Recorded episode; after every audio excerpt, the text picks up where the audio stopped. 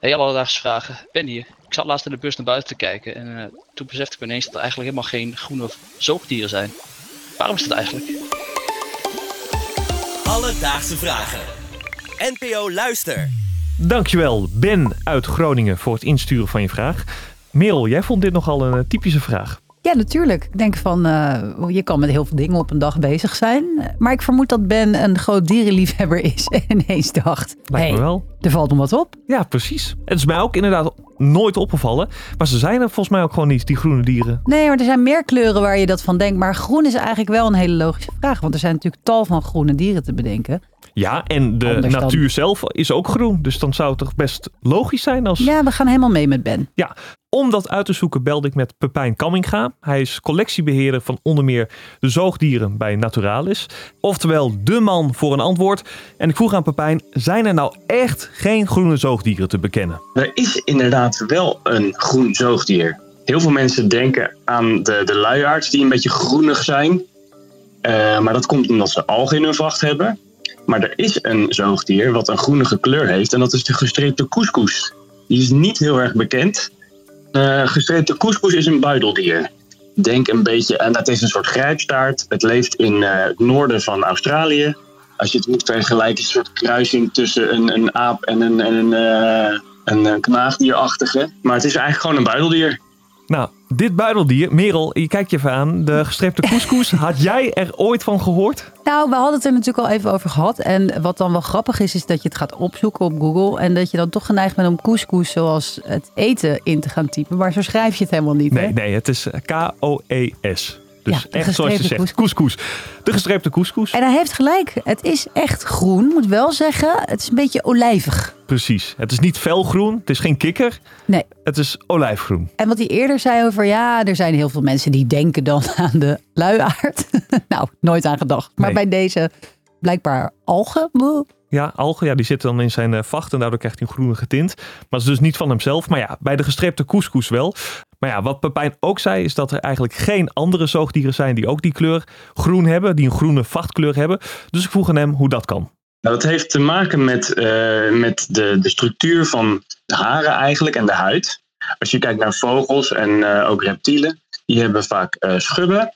Ook de, of een bepaalde vorm in hun veren die lichtbreking veroorzaakt. En die lichtbreking dat zorgt voor een groene tint. Dat heet dan structurele kleur. Maar ook in, vooral in vogels zie je dat er ook pigment eh, kan worden gebruikt. Dus dat is een kleurstof.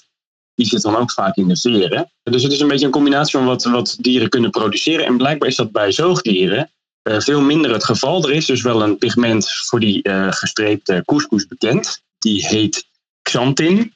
Dat is een soort olijfgroen. Maar dat is dus heel zeldzaam. Dat wordt in geen enkel ander dier gemaakt. En waarom dat is, dat weten we niet zo goed. Maar als je kijkt naar de structuur van eh zoogdierhaar. Want nou, dat is een beetje het probleem. Je ziet vaak de, de huid van een zoogdier zie je niet zo goed omdat er natuurlijk een hele vacht overheen zit. Dus je bent in je kleur beperkt door haren. De structuur van haar is zo gemaakt dat het heel moeilijk die lichtbreking eh, kan eh, nabootsen zoals dat bij vogels gebeurt. Dus dan heb je een probleem, dan kan je dus heel moeilijk groen maken. Klinkt echt een groot probleem inderdaad. Ja, nou ja, het is zo. Het is al zoogdieren, waar wij ook onder vallen, eh, hebben nou eenmaal haar. En in principe heb je daar maar heel weinig pigment voor. Ehm, ik heb het even opgezocht. Je hebt over het algemeen eumelanine. Dat is eh, voor zwart, grijs en bruin. En je hebt veomelanine. En dat is voor geel, oranje en rood. Ik moet zeggen, ik verf mijn haar natuurlijk regelmatig. En als je het blondeert en je doet dat net fout, dan kan het dus ook groen uitslaan. Omdat het wel, je ondertoon kan groen of rood zijn. En als je dat te lang laat zitten, wordt het toch een beetje een groene waas. Ja, maar ja, dat doen dieren niet. Dat ik hoop het niet. Alledaagse vragen. Nou Merel, we hebben het nu gehad over de mogelijkheden ehm, voor zoogdieren om ja, een groenige kleur te hebben. Maar waar we het ook nog eventjes over moeten hebben, dat is eh, de noodzaak van het überhaupt groen kunnen zijn. Want heeft een zoogdier er überhaupt iets aan ja, om een groene vacht te hebben? Dat heb ik Pepijn ook eventjes gevraagd. Zoogdieren, ja, die zijn vaak wat groter eh, dan de meeste vogels. Uh, ja, wat knaagdier is uitgezonderd. Maar die gebruiken vaak streepjes of vlekken om, eh, als camouflage. Want dat breekt zeg maar hun vorm en daardoor vallen ze niet zo op. Daarbij hebben we ook nog te maken met hoe zoogdieren kleur waarnemen ten opzichte van bijvoorbeeld vogels. Er is een mooi voorbeeld van eh, tijgers en de herten die ze eten. Herten die, hebben, eh, die zijn kleurenblind, die zien alleen maar zwart-wit.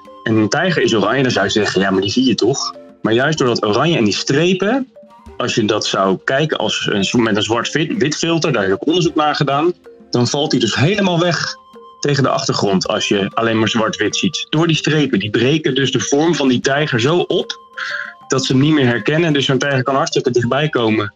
Ja, wat is de natuur toch slim, hè? Ja, heel slim. Al die prooidieren en, en, en juist weer jagers die precies zo op elkaar afgesteld zijn.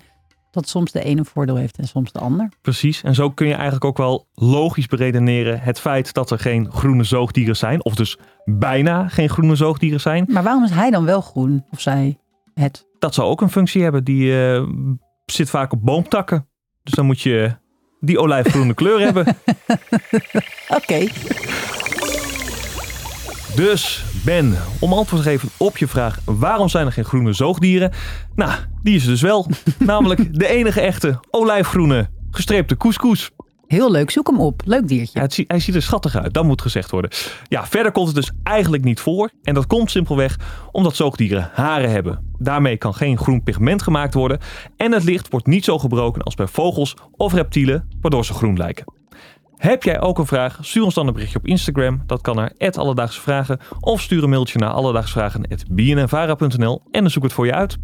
En moeten wij nog iets zeggen over het NPO Podcast Event? Ja, dat gaat 14 mei van start. Daar staan wij zelf ook in het prachtige Tivoli Vredenburg in Utrecht. En wil je er nou bij zijn? Wil je bijvoorbeeld zien hoe er een alledaagse vraag gemaakt wordt?